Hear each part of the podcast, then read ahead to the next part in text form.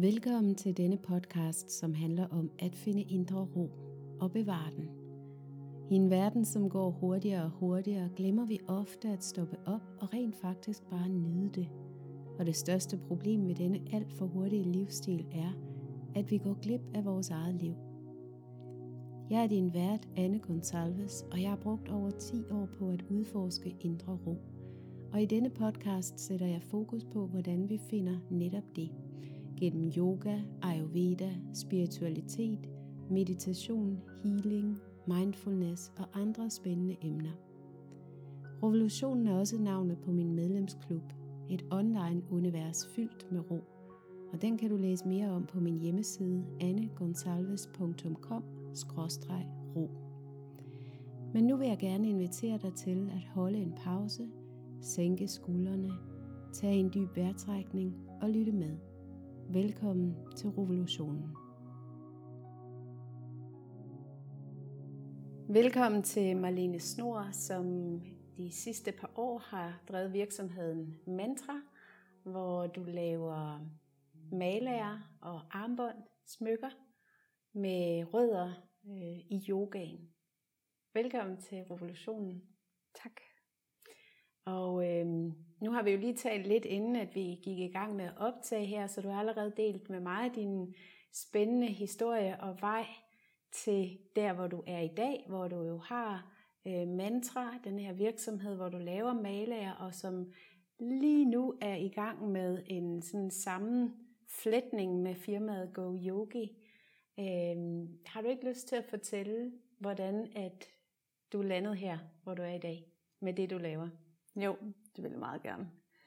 Øhm, som vi talte om, så er vi jo faktisk fra samme sted i Danmark. Så vildt. øhm, jeg øh, kommer fra en lille by uden for Vejle, øhm, og voksede op og gik i folkeskole, og har altid været, hvad skal man sige, lidt af en bogorm, tror jeg. Øhm, gik meget på biblioteket. Øh, så det var også øh, helt naturligt, at jeg skulle på gymnasiet, og det tog jeg på en i Vejle, en på Rosborg.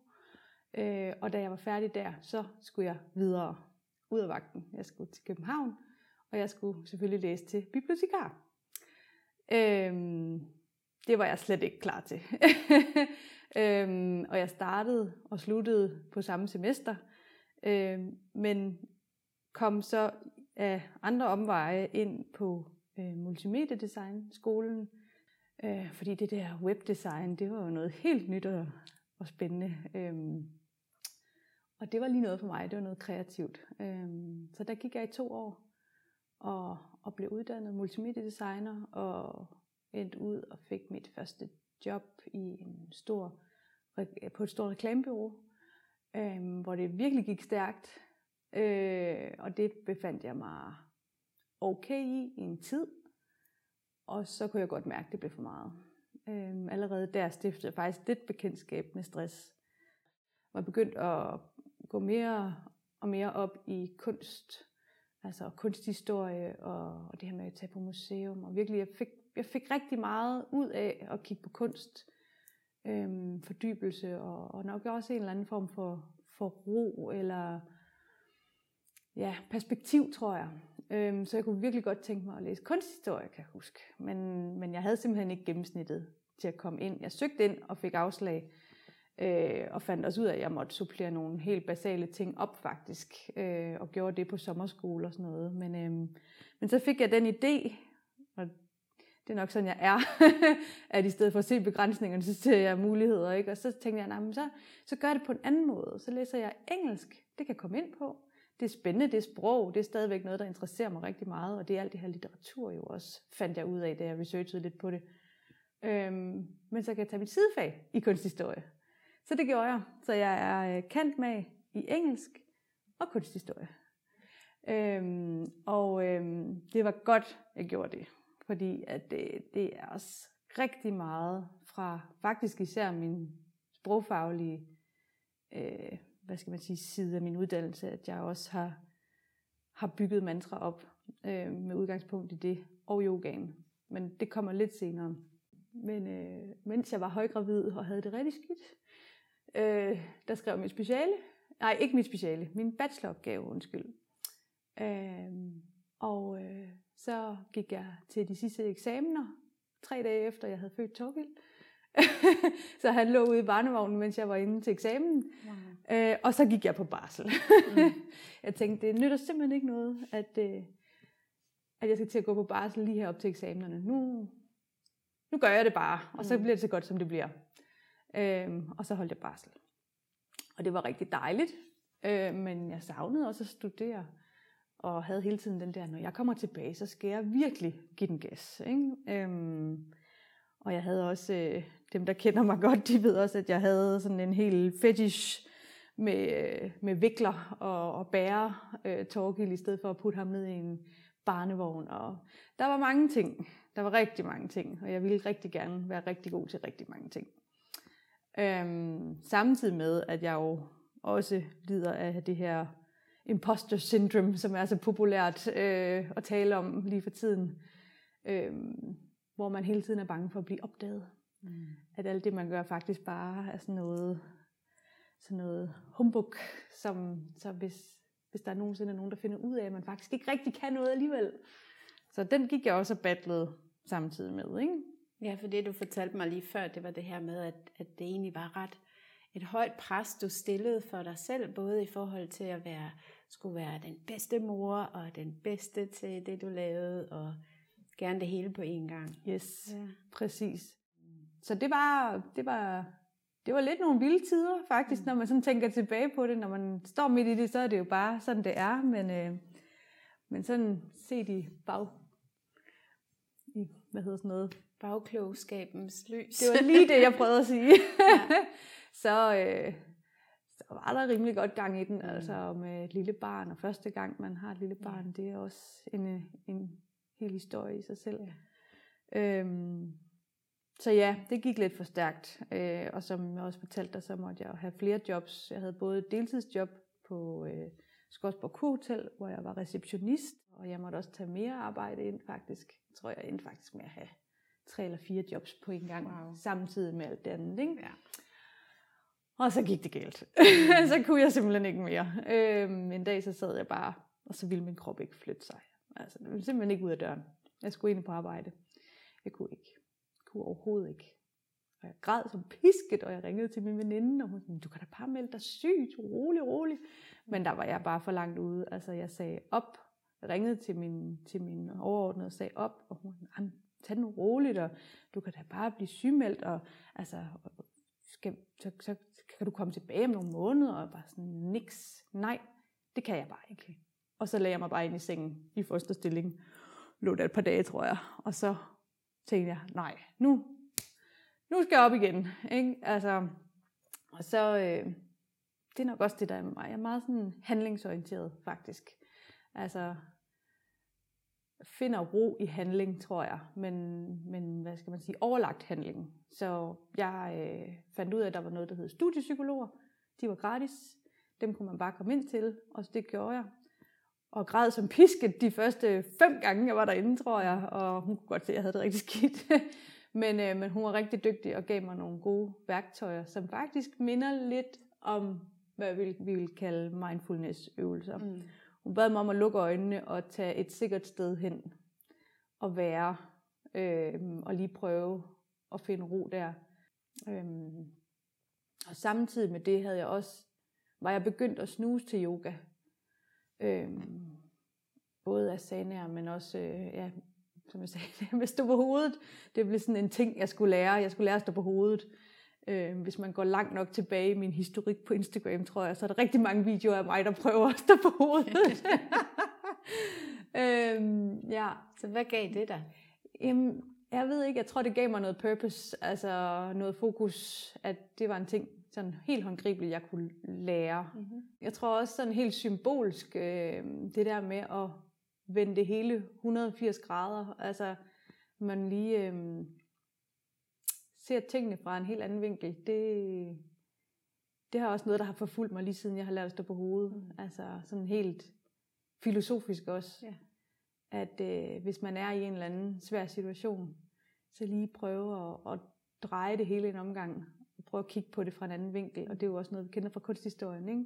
Altså, at man kan godt se på et værk på en måde, men man kan også se på det på 100 andre måder, og få et andet outcome. Ja. Øhm, så det handler også meget om perspektiv, og ja. hvordan at vi kigger på tingene. Ja. Og det her med også, at vi kan vælge et andet ja. perspektiv. Nemlig, præcis. Øhm, og da jeg så begyndte at studere yoga ved siden af, eller hvad man siger, fordi det gjorde jeg også. Jeg begyndte virkelig at fordybe mig i yogasystemet, fordi jeg synes, det var så spændende. Altså jeg kunne bare mærke, hvordan det gav mig noget. Øh, hvordan det startede mig godt. Du fortalte mig tidligere, at du startede sådan til fitness yoga, som man kan sige. Det, ja, er, det ja. er vejen ind for mange, at man ser det mere ja. som det er de fysiske øvelser, det er ja. asanas, og så ja. er det sådan ligesom for mange bliver det vejen ind til også mere yoga-filosofien og, og det. Som, ja. Hvordan udviklede det sig for dig? Ja, men faktisk så afskrækkede det mig, øh, kan jeg huske, for jeg har allerede mødt det øh, langt tidligere, øh, men lige præcis i den der fitnessform, og det var bare sådan, det er bare overhovedet ikke mig. Og dengang var jeg nok også... Øh, knap så smidig og lige nogle kilo tungere, end jeg er nu, men man kunne slet ikke følge med. Altså, det hjernede der ud af, og det var mega hårdt, og der var overhovedet ikke noget send og spore. Så det, det, det jeg, jeg, jeg lagde det helt væk. Det var slet ikke noget for mig. Yoga, det var slet ikke noget for mig. Altså, ikke før, at jeg så var nede med stressen, og, eller på vej derhen, hvor jeg kunne mærke, at jeg havde brug for noget, der ligesom kunne trække den anden vej. Og så begyndte jeg at lave det derhjemme, med sådan nogle begyndervideoer på YouTube. Ikke? Der fandt jeg ud af, der, derhjemme i min egen stue, der kunne jeg gøre det på mit på min egen terms, eller hvad man mm. siger. Der var ikke en eller anden instruktør, der stod og sagde, nej, du skal bøje lidt mere, eller mm. et eller andet. Altså. eller også bare det, der jo ofte sker, især, øh, jeg husker det også fra mig selv, jeg tror især for mange, når man begynder som på yogarejsen der, ikke? og man tænker, jamen, for det første kan det være, at der er mange, der oplever det her med, at øh, jeg kan ikke lave yoga, for jeg er ikke smidig. Ja. Eller, så jeg har, jeg har ikke nogen yoga-krop. Ja. Eller man går til yoga, og så tænker man bare, man kigger bare rundt til alle naboerne og tænker, hold da op, de kan sno benene rundt om bla bla, og så videre. Og så sammenligner man sig. Og det er jo det fede ved så at ja. være derhjemme og lave yoga online, som jo også, altså jeg virkelig har ja. set her de sidste par år, hvordan det har åbnet rigtig meget op for folk. Men lad os lige spole ja. lidt, lidt tilbage. Vi skal fordi, lidt tilbage. Nu vi kommer skal vi tilbage frem. Til, til mantra, og hvordan ja. at du så havde, havde oplevet det her arbejdspres og nyfødt og stressknæk. Og så kom yogaen ind, og hvordan blev det så til maler? Ja, jeg begyndte som sagt at stå på hovedet, og det hjalp mig under min speciale skrivning. Men jeg fordybede mig også og fandt ud af, at det med asanaerne, ja, fedt nok, øh, men det var meditationen, der gav mig noget. Og det var nok igen også lidt i forlængelse af de der mindfulness-øvelser, jeg havde lavet hos psykologen. Jeg tror virkelig, at øh, det var der, jeg fandt den der rigtige ro. Altså hvor, fordi når, også når man er i, i speciale skrivningsmode, så kører der virkelig mange tanker rundt i ens hoved hele tiden. Samtidig med, at jeg stadigvæk jo også var småbarnsmor, eller hvad man siger, og skulle alle de andre ting. Altså, øh, og havde økonomiske kvaler, fordi nu havde jeg ikke noget arbejde længere, dem havde jeg sagt op. Mm. øhm, så der var rigtig meget run på mine tanker, og jeg tror bare, at det jeg fandt, det var, at i meditationen, der kunne jeg bare lige få et pusterum, altså, og det var så godt. Men når man så først begynder at bevæge sig ned ad den vej, så er det meget naturligt, at man falder over malagen som tælleværktøj til meditation. For det er jo det, det er. Mm. Det er jo ikke et smykke, faktisk. det er jo et værktøj. Ligesom vores yogapuder er, mm. eller vores yogamotter, eller hvad det nu er, vi bruger. Gik du og, til øh, meditation et sted? Har du ligesom lært det, eller er det, niks. Det, er det sådan ligesom en naturlig proces, der opstod? Ja, i? jeg satte mig simpelthen bare ned og prøvede. Ja. Øh, selvfølgelig læste jeg om det, og, og kiggede på YouTube og sådan nogle ting, men langt hen ad vejen, alt hvad jeg gør, er noget, jeg har lært mig selv. Altså det i hvert fald inden for yoga og sådan noget. Jeg er begyndt på en meditationsuddannelse nu, men og, og det er igen den der, jeg tror, jeg fik lagt den der perfektionisme lidt på hylden, at jeg behøver ikke at være certificeret meditationsunderviser for at kunne meditere. Altså, det behøver man overhovedet ikke. Man kan også bare prøve at sætte sig ned og lukke øjnene og se, hvad der sker. Øh, og det var rigtig meget det, jeg gjorde i starten. Og så også det her med at tælle med en maler. Altså det var, det var helt vildt. Altså det var, for jeg kan huske noget af det, der var allersværest som nybegynder med meditation, det var det der med, at man sidder og tænker, nu skal jeg sidde her, og uh, her man har sat sig, og lukker man øjnene. Og så det første, man tænker, det er, kan vide, hvor lang tid der er gået? Ja. Hvis jeg nu skal sidde 10 minutter, hvor lang tid har jeg så ja, tilbage? Hvor lang tid er 10 minutter egentlig? Ja. Og så er man sådan virkelig ude på dyb vand, fordi når du lukker øjnene og mediterer, så har du ingen tidsfornemmelse. Tid opløser sig. Fuldstændig. Ja. Øh, og det er jo i sig selv meget interessant. Mm. Men det er en anden historie. Øh, så der var malagen et rigtig godt værktøj for mig. Fordi jeg vidste, jamen, når jeg har været igennem de her 108 perler, så, øh, så har jeg været igennem en meditation af en god længde, og som der er nogen engang, der har sagt noget klogt om, at der skulle være 108. Øh, så det kunne jeg ligesom læne mig op af. Mm. Så du har, for lige dem, der ikke måske kender så meget til malager, ja. så er en maler en kæde med nogle perler på, og der er 108 perler, og så er der guru ja. ikke? Ja, præcis. Den tæller ikke med i de 108, Nej, vel? Det altså, er ekstra. Det, det, det ligger også lidt i navnet, kan man sige, guruen, at uh, guruen er sådan, uh, hvad skal man sige, vejviseren og vejlederen og kortet, og du må ikke ligesom træde på din guru. Det er lidt ligesom, at uh, man ikke uh, træder på denne bro eller et eller andet, ikke? Altså man, man skal ligesom respektere den der guru, og så mediterer man fra den ene side af guruen, og så hele vejen om på den anden side, og hvis man så ikke har fået nok, så kan man vende sin maler om i hånden, og så meditere den anden vej igen. Men aldrig hen over guruen. Mm. Altså, og det er, jo, det er jo symbolsk. Men symbolik kan også noget. Meget, faktisk. Men det er igen også lidt senere i historien. Mm. Øhm, det jeg fandt ud af med malagen, jeg fik en maler af min mor i fødselsdagsgave, øh, og jeg havde virkelig ønsket mig den, og, øh, og blev meget glad. Og den var meget flot, den var i sådan nogle lyserøde og gule perler og sådan noget, og hun sagde, at det er vandmelon turmalin, meget, og det... Og så mediterede jeg med den tre gange, tror jeg, og så gik den i stykker. Og så var jeg bare sådan lidt, nej, altså den der fine silkekvast, den gik bare lige så stille i opløsning, altså. Øhm, og da jeg så sådan kom til, det er jo fordi igen, jeg kan ikke lade være med at slå ting op. Jeg researcher jo alting, altså og så gik jeg ind og googlede øh, vandmelon turmalin. Og det hang bare slet ikke sammen tænkte, det, altså hvis det her det er en vandmelon turmalin, så er det her i hvert fald ikke en vandmelon turmalin. Og så begyndte jeg sådan, hvad kan det så være? Ikke? Lyserøde sten. Altså.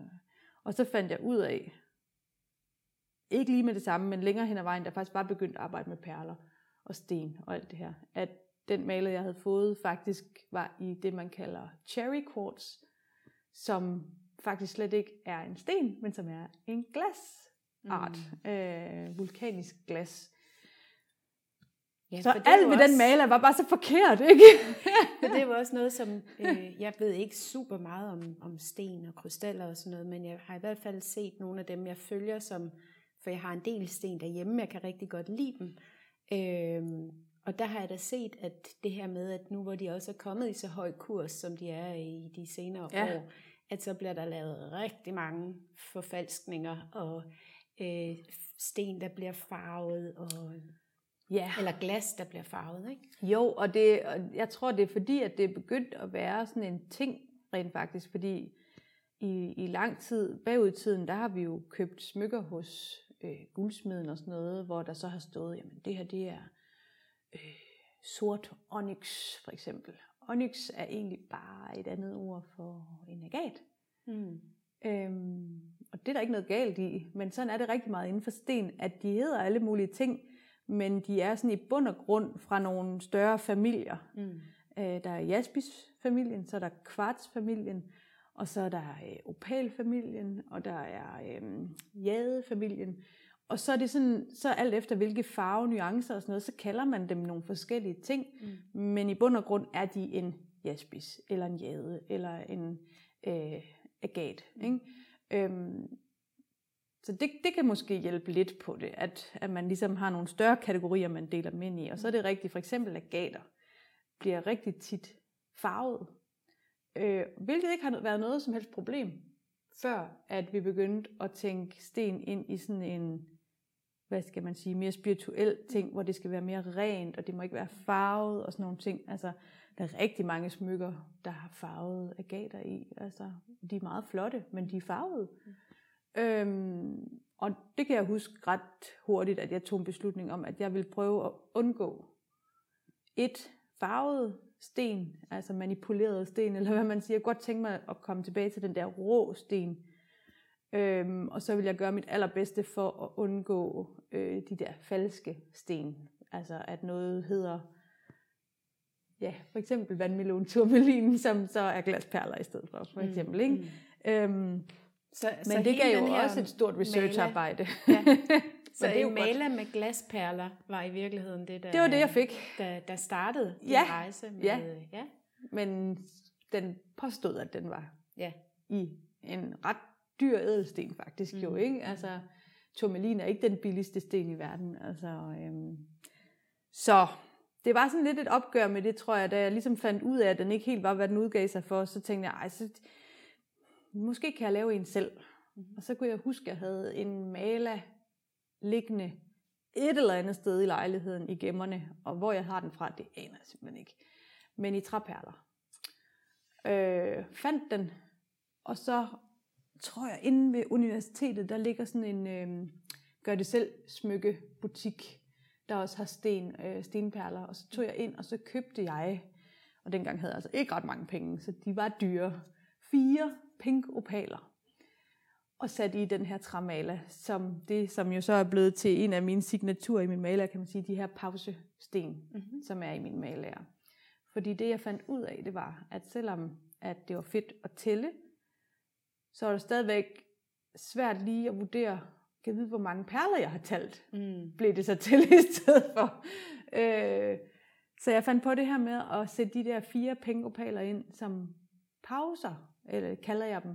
Øhm, de er lidt mindre øh, sten. Ja, i, de, i min maler nu er de mindre, men, men i den oprindelige der, hvor, hvor der var træperler, der var de faktisk i øh, 8 mm perler.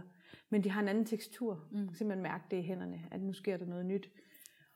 Og det gav sådan nogle afbræk i malagen, så at man kunne mærke, okay, nu er jeg på vej ind. Okay, der var første. En fjerdedel inden. ja, men præcis. Altså, det gav virkelig noget, at okay, og nu kommer det lange stræk. Nu ved jeg, nu går det lang tid. Men så kunne man så også mærke, okay, nu begynder jeg faktisk at nærme mig enden.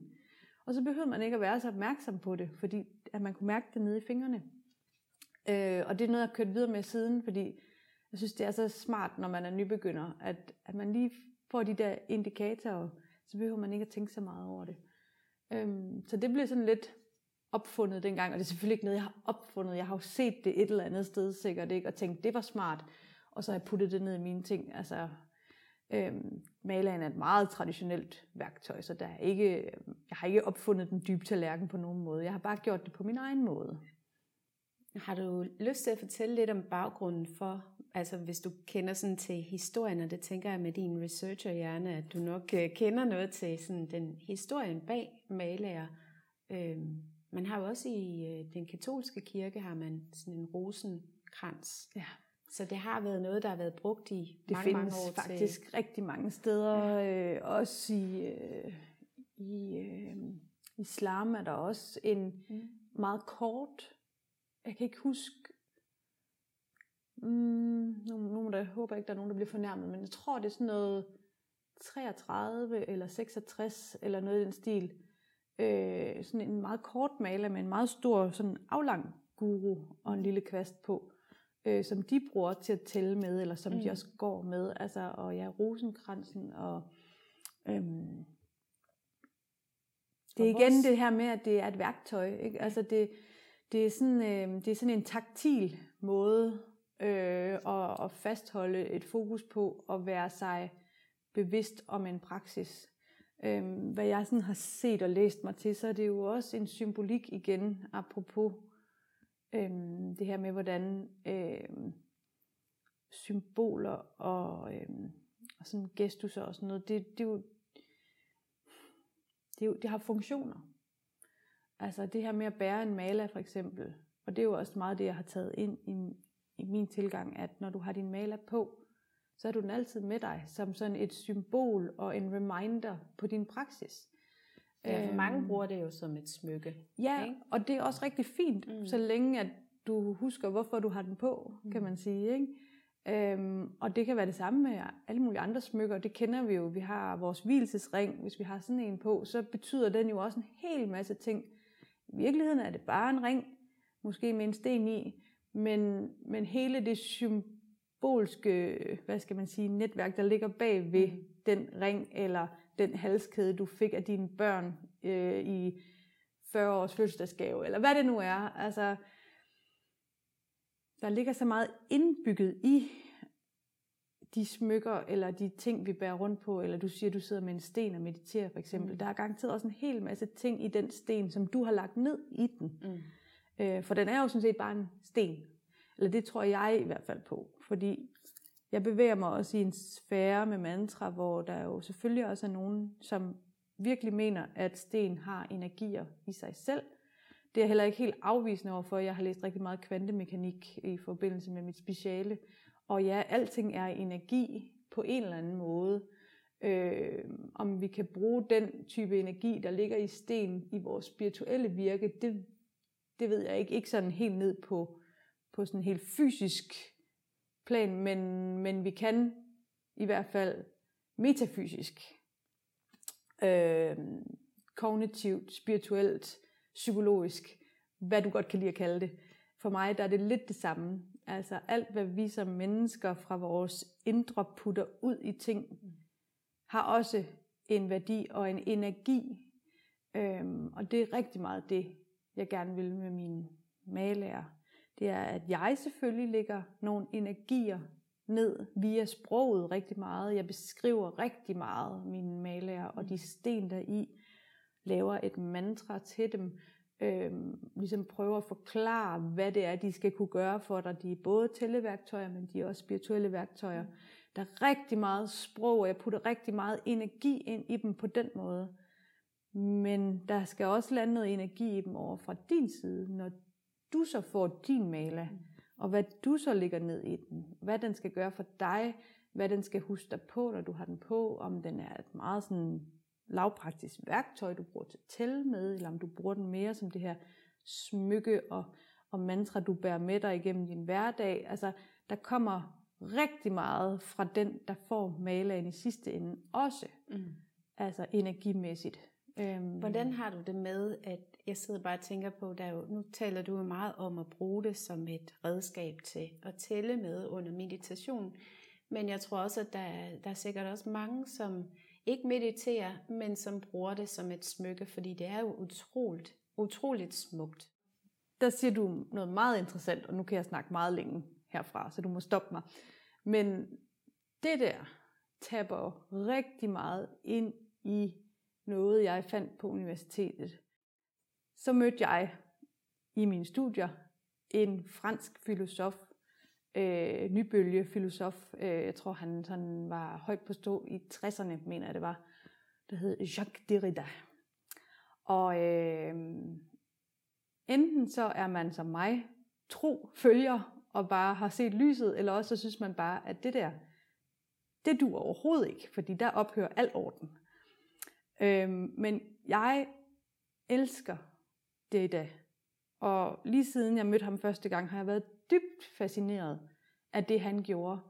Han tog simpelthen et kæmpe opgør med hele akademia og filosofi i det hele taget, og opfandt noget, han kaldte dekonstruktion.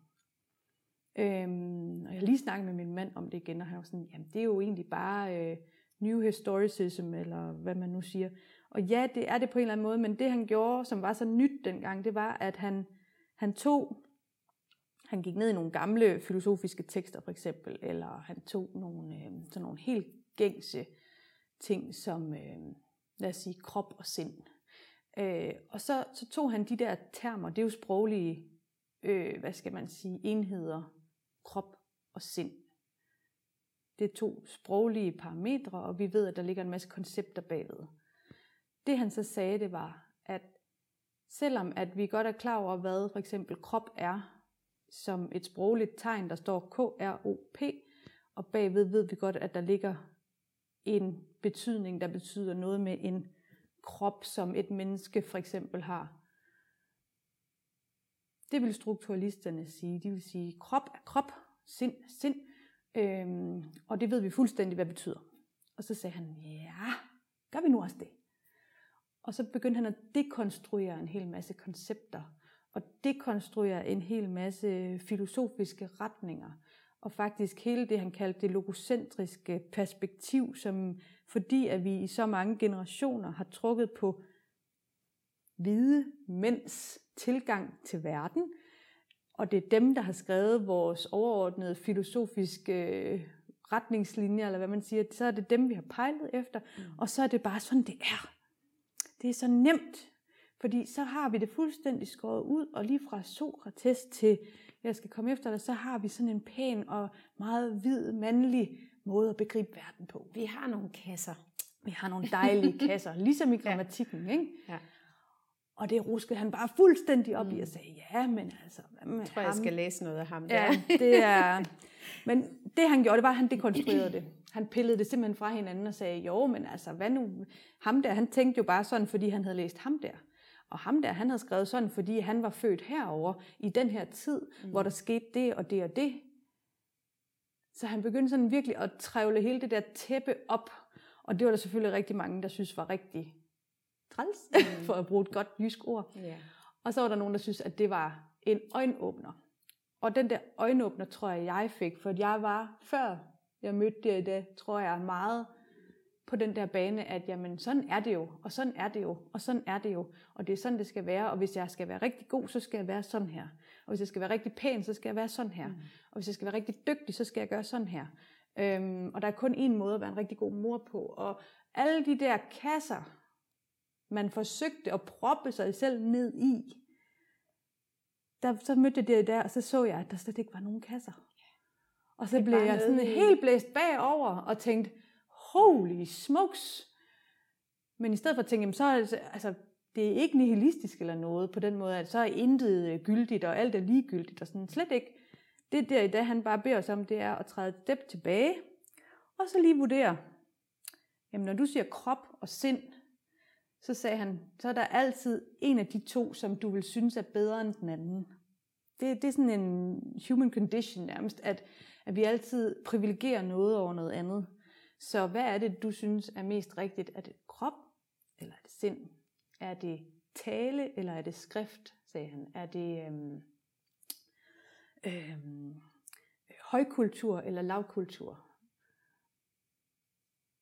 Men hvis du er opmærksom på det, og at du har en bias, der siger, jamen jeg kan faktisk, jeg tror på, at højkultur, det er det fine og det fancy, og det der med lavkultur og popmusik og sådan noget, det er ikke lige mig. Ej, det er for fint til. Hvis du kan blive opmærksom på hele den sfære, du er i, når du tænker de ting, og så lige tage dig selv ud af den ligning og kigge ind på det, så er du allerede nået meget langt, ikke?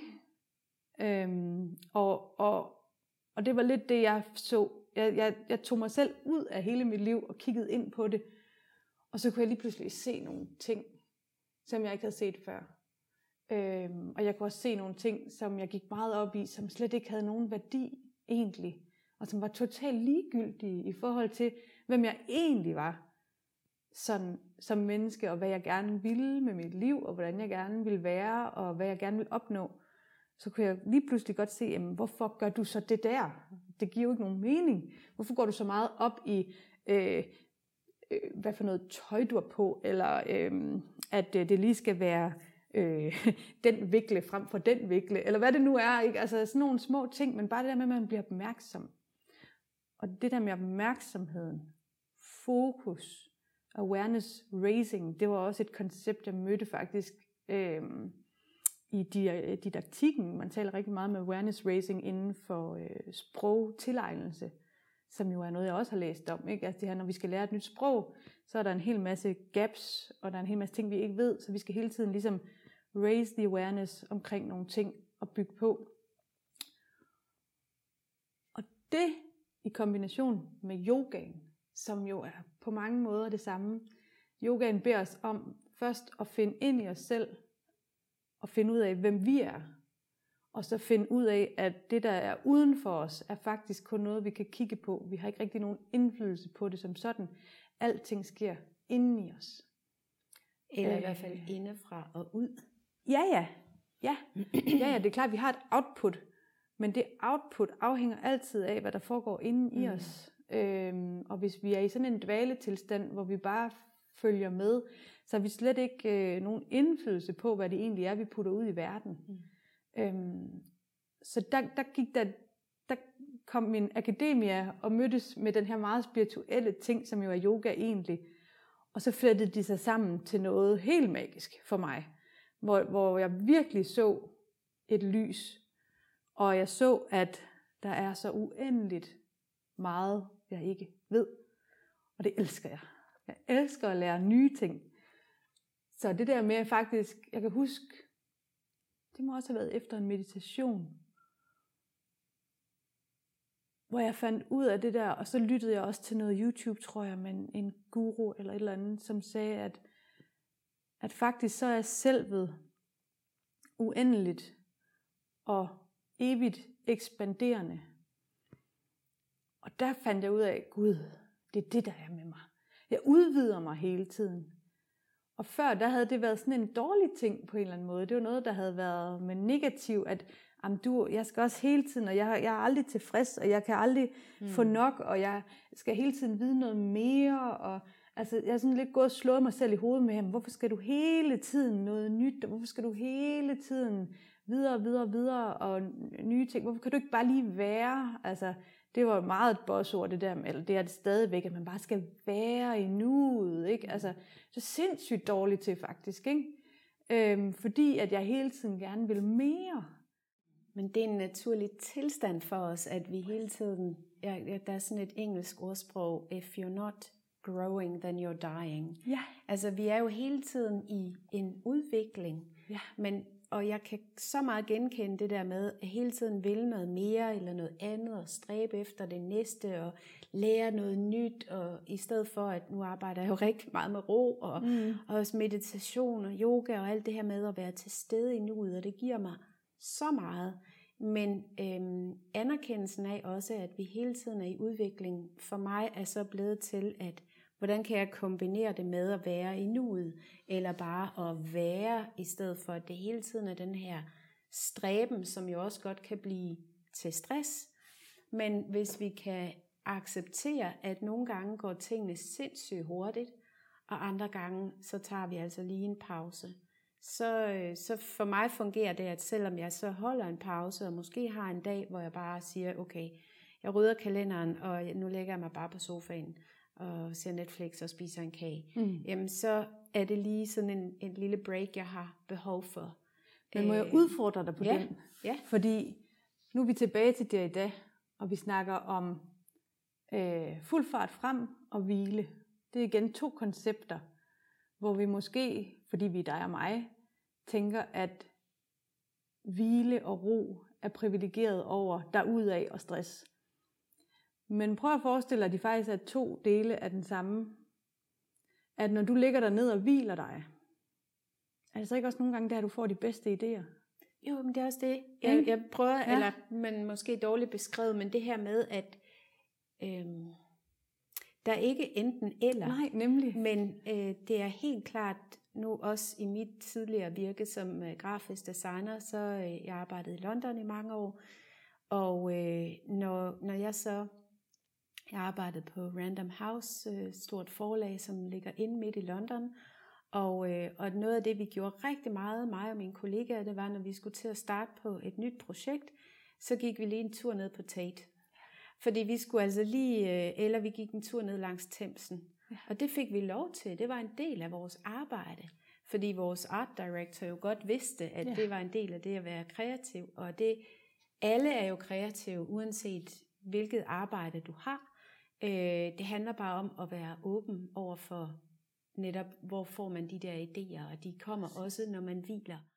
Så det her med at være i fuldstændig sådan gøre-mode, og når jeg bare går fra den ene ting til den næste, og øh, har mange projekter i gang, men der kan jeg også finde den dybeste ro i, de der, i ja. den der gøre-mode. Så, så ro betyder ikke kun at lægge sig ned på sofaen Præcis. og slappe af, Præcis. eller at hvile i en restaurativ stilling. Det betyder jo også, at man for eksempel laver det, man brænder for. Ja, ikke? At, øh, at man så finder ro i, at det kan godt være, har en hel masse projekter og ting, der skal ordnes og sådan noget, men det er det her, jeg synes, der er mega spændende. Præcis. Og det giver mig ro.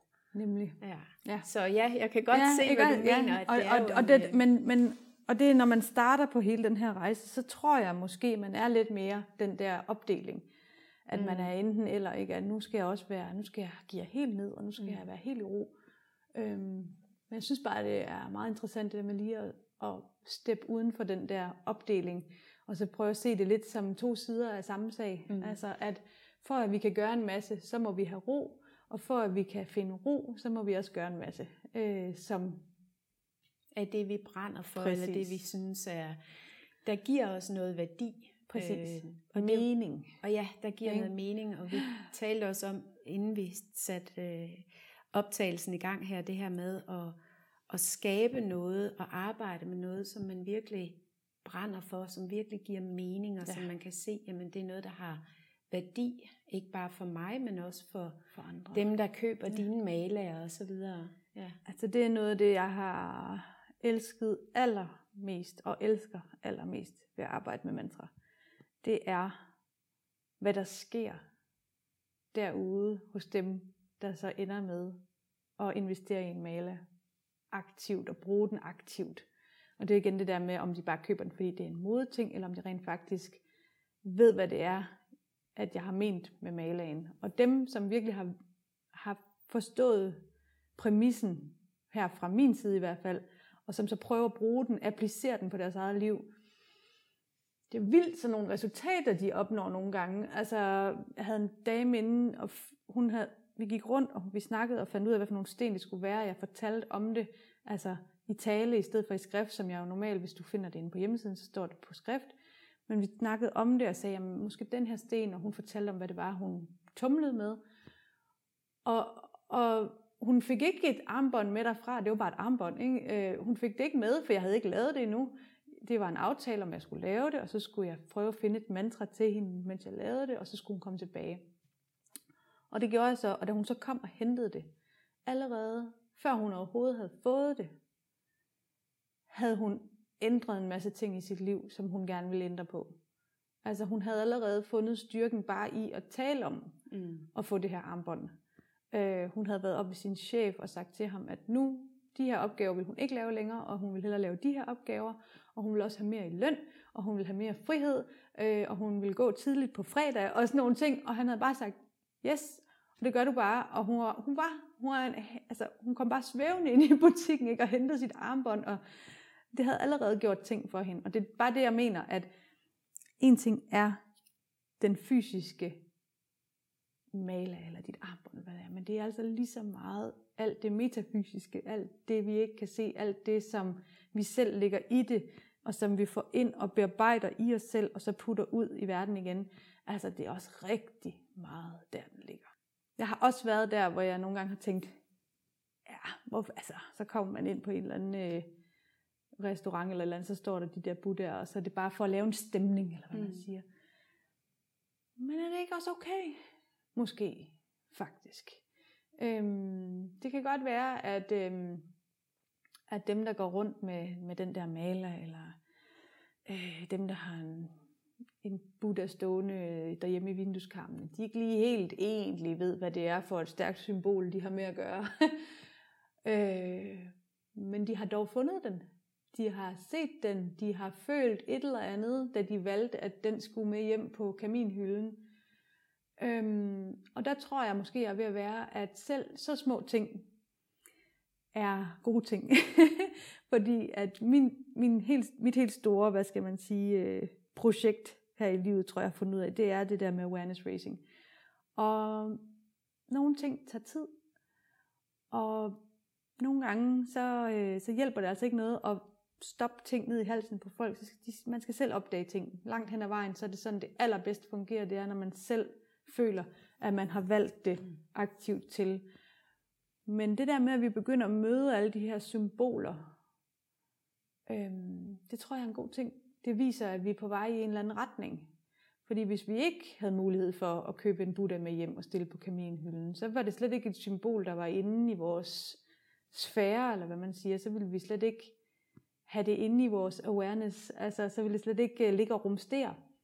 Og så kan man jo bare håbe på, at dem, der har en Buddha stående ude i haven, eller øh, på kaminhylden, at de på et eller andet tidspunkt kigger på den og tænker, Gud, kan vide, hvad det egentlig er, det handler om det der.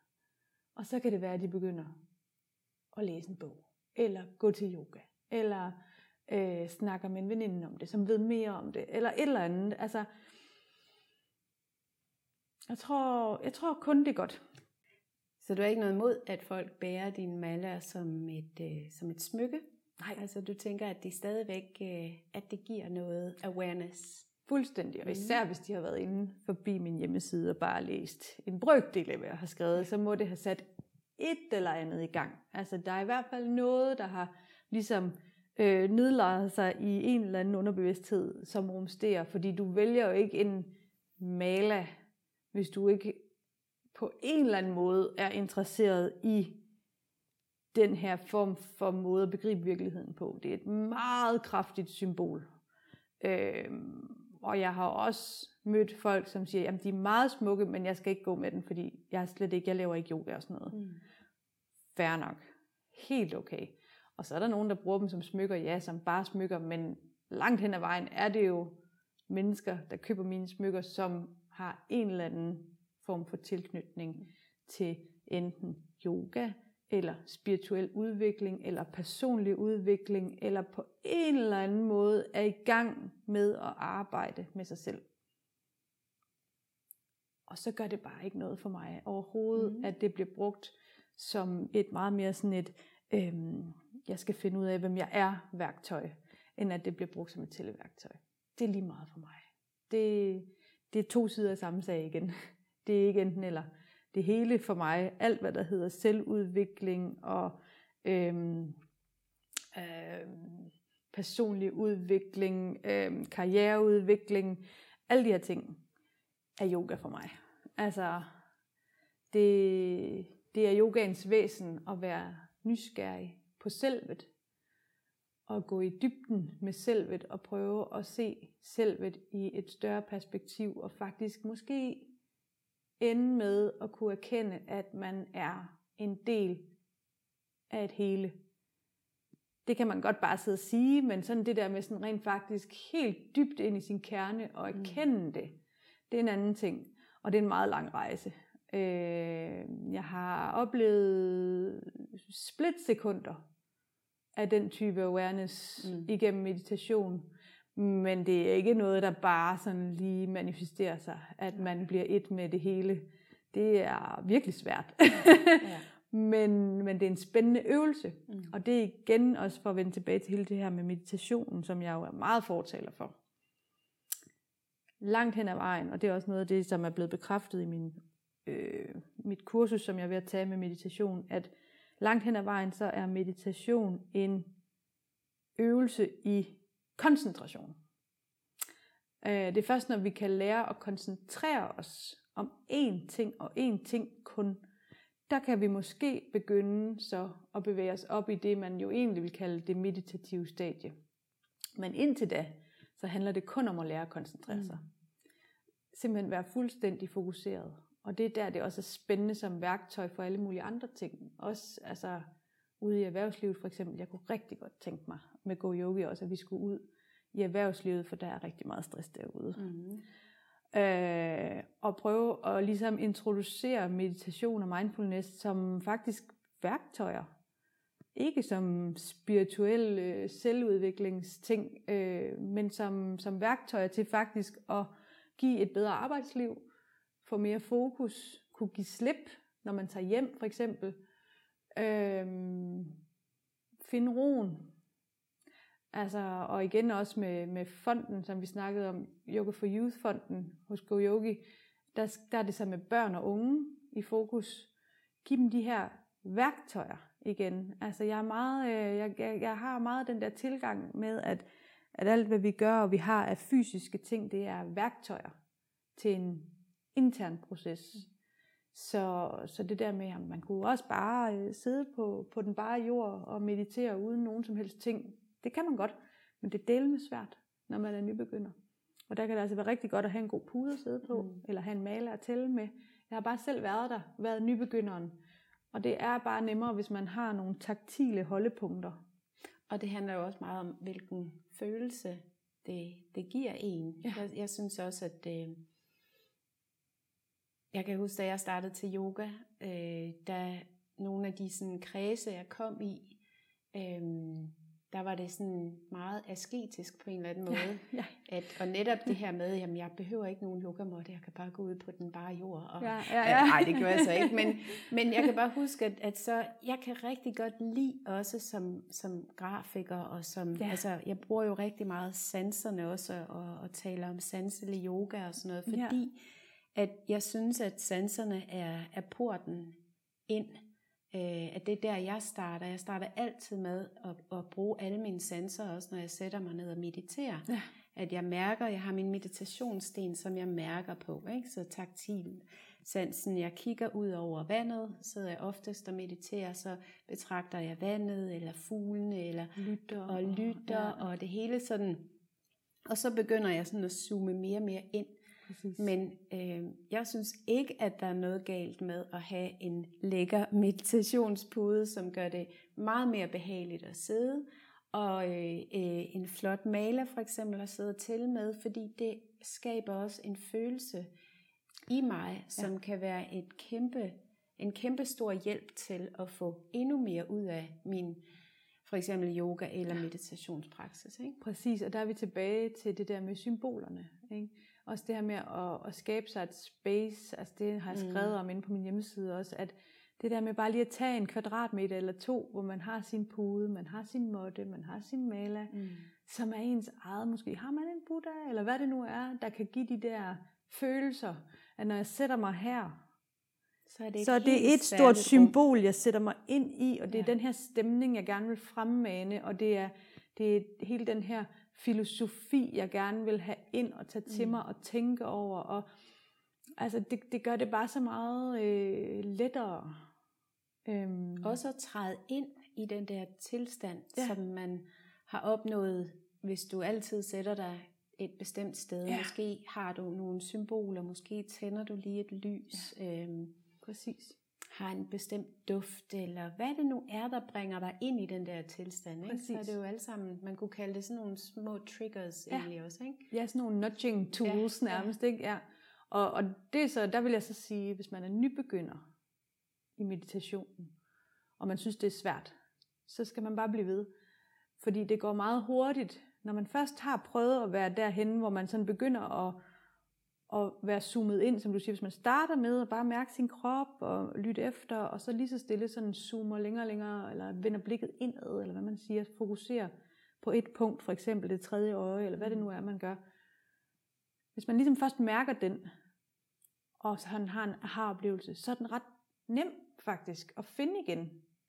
Og det er igen det der med awareness racing. Lige så snart vi har set en løsning, eller, eller har blevet opmærksom på et gap, eller hvad det nu er, så kan vi meget bedre øh, arbejde med det. Så lige så snart man har bare haft den oplevelse én gang, så er det meget nemmere at komme tilbage til den. Øh, og også som du siger, hvis man så har tændt et lys, der husker en på det, eller øh, man sidder med sin maler i hånden, eller man har den på, eller hvad det nu er. Øh, så, så, så det der med, at det tager lang tid, og jeg kan ikke finde ud af det og sådan noget, det er ikke rigtig nogen undskyldning, fordi hvis du bare sætter dig ned og laver et eksperiment, der hedder, nu skal jeg sidde i 10 minutter i 5 dage, så vil du kunne se en kæmpe udvikling. Fra den første dag, hvor alting det bare hjerner rundt ind i dit hoved, og du kan overhovedet ikke finde ro, og det krasser og det klør alle steder. Og så til femte dagen, hvor jeg vil næsten garantere for, at du har fundet en eller anden form for ro. Jeg bruger øh, den, en app, der hedder Insight Timer. Ja, det gør jeg også. Fordi, nogle dage, så mediterer jeg, de fleste dage er det bare i stillhed. Øhm, og så har jeg mine egne små teknikker, jeg kører igennem. Ja. Men øhm, og nogle gange så bruger jeg en af de guidede meditationer, der ligger inde på Insight Timer, men det fede er også, når man er på Insight Timer, at så får du sådan en, øh, den, den tæller ligesom din, din fremskridt. Eller hvad Fuldstændig. Sige. Igen så, et nudging tool, ikke? så kan man ligesom hakke af, ja. yes, jeg fik mediteret i dag, Præcis. yes, jeg gjorde det igen i dag, yes. Og den tæller jo consecutive days, altså sådan ja. at du, så jeg, jeg, i fredags, der øh, havde jeg haft sådan lidt en travl dag, og så om aftenen skulle vi til koncert, og så sidder jeg på restauranten sammen med min mand og vores øh, et vennepar, og min veninde der, hun er også yogalærer, og så siger jeg til hende, shit man, jeg har glemt at meditere i dag, og så, så misser jeg min consecutive days bedside timer, og så siger hun, du kan da bare lige snuppe en nu, så sad jeg midt i restauranten, og tændte ja. for min timer, bare et minut, ja. og det kan godt være, at det lyder sådan lidt, ej det kan man da ikke, men man kan altså godt finde ro på et minut midt i en restaurant, der var fuldt booket, og bare folk de snakkede over det hele. Men jeg tog bare lige et øjeblik og lavede et, øh, hvad hedder det, satte mine hænder i en øh, mudra og ja. lukkede øjnene, trak vejret. Og det gjorde altså også en forskel. Det gør det, så... og det er lige præcis i den situation, faktisk man virkelig burde gøre det nogle gange. Ikke? Altså, jeg kan huske, da jeg tog ind på universitetet, der, så, så gjorde jeg det altid øh, i toget på vej ind. Mm. Så lyttede jeg til, hvad er det, det hedder, den anden, øh, den der øh, mind, hvad hedder den, med den der orange mand. Headspace. Ja, Headspace, ja. De havde sådan nogle gratis meditationer ja. på 10 minutter.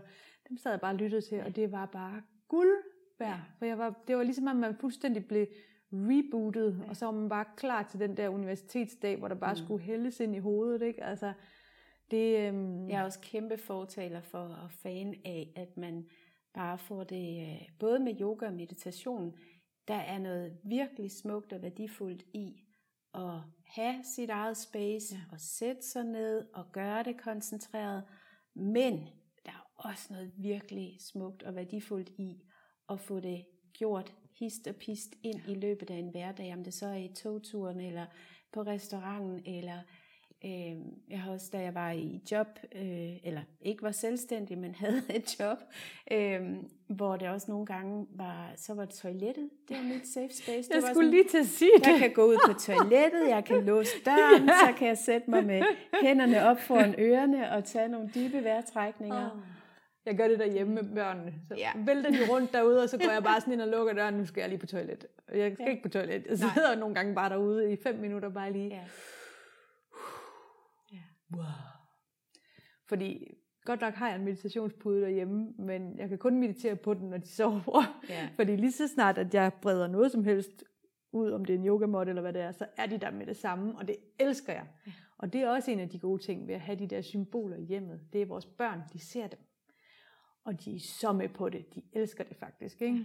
Altså, min datter, hun kommer hver eneste dag, så kommer hun med de der meditationskort, børnemeditationskort, vi har derhjemme og, og kaster rundt med dem og kigger på dem og bider i dem, og jeg ved ikke hvad, men, men hun er totalt klar over, at der er noget, der hedder yoga. Og det er min søn også, og han elsker det. Han ser det jo som sådan, uh, så skal han stå i reven, ikke? Så ja. er det bare, se mor, hvad jeg kan, ikke? Altså, og det samme men den der koncentration, med, som, jeg som de lærer. med min datter, der jeg ja. mediterer med nu, og hun har fået sin egen lille meditationssten, og hun er fem år gammel, og hun går der sådan, mor, hvor er min meditationssten? Ja. Øhm, jeg så sådan en sjov øh, hvad hedder det, sådan en tegneserie, eller sådan et øh, sketch, eller hvad det hedder, hvor der sidder to øh, mødre på en øh, bænk, og så med deres øh, børn ved siden af. Og den ene mor, hun sidder med sin mobiltelefon, og det gør hendes barn også. Ja. Og den anden mor sidder med en bog, og det gør hendes barn også. Og så hende med mobiltelefonen vender sig mod hende med bogen og siger, ej, hvordan får du din søn til at læse så meget? ja. og det var, altså, ja de skal bare se det. Ja. Øhm, og min datter får også lov til at spille på mobiltelefon det. og iPad, så ok. det var slet ikke noget ok. sådan øh, jeg er heller ikke heldig på det her der, men bare for at sige, at øh, ja, vi, kan, vi kan så meget, når vi starter med bare at vise dem Præcis. vejen. Ikke? Og det er også, øh, hvad skal man sige, en af de der ting, som jeg tror faktisk, jeg har skrevet det over i øh, Go Yogi også, det her med det her med at vise, at du har et space derhjemme, også til alle de voksne, der kommer i dit hjem. Mm. Altså, det fungerer lidt på samme måde. Nå, er du sådan en, der laver yoga? Nå, jamen, hvad, jamen, så har du sådan en pude? Du, ja, det gør jeg faktisk. Jeg sidder faktisk her nogle gange, bare lige 10 minutter. Mm. Nå, nå, awareness racing, ikke? Bang, ja. så bliver de lige introduceret til noget, som de måske ikke rigtig lige vidste fandtes. Mm. At det var en mulighed at man faktisk godt kunne have en yoga-praksis derhjemme. Øhm, fordi hvis du altid kun bliver eksponeret for, at yoga er noget, der foregår i et studie sammen med 20 mm. andre mennesker, og så er du måske ikke lige typen, der er vild med at stå der sammen med 20 andre mennesker, jamen, så er yoga jo ikke noget, man laver derhjemme. Men hvis du så tager hjem til en veninde, som har en yogamåtte inde i stuen, og så, så fortæller dig, at jeg laver yoga på nettet. Gud, gør du? Kan man det? Er det en ting? Ja, Ikke? ja. Altså, og det er de der små nudges af awareness raising, som vi øh, både eksplicit ved at fortælle om det, men også implicit bare kan vise andre, Mm. at vi gør. Det gør en kæmpe forskel. Øhm, og det tror jeg også er en af grundene til, at jeg synes, at for at vende tilbage til hele det her merge med Go Yogi, at vores ting passer bare så godt sammen. Det var jo egentlig det, jeg drømte om i starten, at jeg skulle have hele universet på. Ikke? Og så er det bare kommet på en anden måde. Og, og med i den øh, får jeg også Janni, som er en fantastisk partner, altså, og, og, og en sparringspartner, og vi kan nogle forskellige ting, og, men vi har samme udgangspunkt. Vi elsker det, yogaen har gjort for os. Vi vil gerne vise alle andre, at den kan noget, og at den både kan være i studiet, og at den kan være derhjemme. Mm. Altså, øh, og at den kan være med dig, som med din maler for eksempel. Ikke? Øh, men at du jo også øh, kan tage en pude med på arbejdet, for eksempel. Hvorfor skulle du ikke kunne det? Øh, eller at du som arbejdsgiver faktisk kunne lave et rum for dine medarbejdere, de kunne tage hen i. Det har jeg manglet. Mm. Alle de steder, jeg har været, der har ikke været et rum. Så kan man gå ind i et mødelokale, men så ved man aldrig, hvem der lige pludselig brasser ind og skal bruge det, vel? Men på universitetet, der havde de et bederum, Ja. ja. kaldte de det. Men det kunne jo bare være et Mindfulness-rum. ja, retreat, whatever. Kald det et eller andet, som alle kan være med på, Ja. uden at Ja. det bliver for hokus pokus-agtigt. Ja. Øhm, men det der med at skabe det der space forskellige steder, altså det, ja, Kan noget. vis det uden at pådutte det. Ja. Det er sådan, det skal være. Spændende. Øhm, jeg kunne godt tænke mig at runde af her med at spørge dig, hvis du skulle give sådan et godt tip til at finde indre ro, eller dit bedste tip til at finde indre ro, hvad skulle det så være? Sæt dig ned. Bare 5 minutter, 10 minutter. Luk øjnene, og lad være med at være hård ved dig selv, eller dømmende, eller noget som helst. Og øhm, det behøver ikke engang at være, at du mediterer. Det er bare at finde et roligt sted. Altså hvis du har børn for eksempel, det er jo nærmest en umulighed, men så gå ud i haven og sæt dig under et træ, eller øh, sæt dig ud i bilen, eller hvad. Jeg har også Mm. nogle gange mediteret i bilen, hvis Ja. jeg skulle et eller andet, så bare lige sidde fem minutter, før jeg går ind, eller et eller andet. Ikke? Det der med lige at lukke øjnene, og lige vende blikket indad, og så huske det der med, at alting starter inde i os selv. Vi får en hel masse input udefra. Men i sidste ende, så er det, hvordan vi har det indvendigt, der gør, hvordan verden ser ud udvendigt, Ja. hvis det giver mening. Ja. Øh, så hvis du er travl og stresset, og har tusind ting, og en masse præstationsangst, og en masse øhm, øhm, perfektionisme, og alle de der ting, som jeg har knoklet rundt med, øh, så lige husk det der med, at det er altså kun dig selv, der sætter de der barriere op. Det er ikke hele verden. Altså, Mm. og dem, der gør, de skal bare forsvinde ud af dit liv. Fordi det er Og simpelthen det ikke det værd. du. og det vælger man selv. Ja. ja. Fuldstændig. Alting starter inde i os selv. Og det er derfor, at meditation er så powerful. Det er fordi, det er der, vi får lov til at møde os selv. Sådan som vi faktisk er. Og få lov til at grænske os selv. Og se, hvordan vi udvider os. Og hvor vi kommer fra. Og hvad vi skal blive til. Altså, meditation er også en, et manifestationsværktøj. Til at forestille sig, hvordan livet kunne arte sig fremadrettet. Meget powerfult, faktisk. Spændende. Så- Tusind, tusind tak, fordi du vil være med her i, i revolutionen. Og øh, ja, jeg kan bare på det varmeste anbefale at gå ind og kigge på dine smukke malager, øh, som man nu fremover vil finde på Go Yogi. Ja. Ikke? Jo, det er en proces, vi er i gang med. Ja. At det hele skal ligesom merges og, og puttes ind i samme univers Ja. over hos GoYogi.dk. Ja. Godt. Tak fordi du var med. tak. Tusind tak, fordi du lyttede med til Revolutionen. Hvis du vil læse mere om mit online-univers, yogauddannelser og yoga-retreats og tidligere afsnit af podcasten, så klik ind på min hjemmeside annegonsalves.com.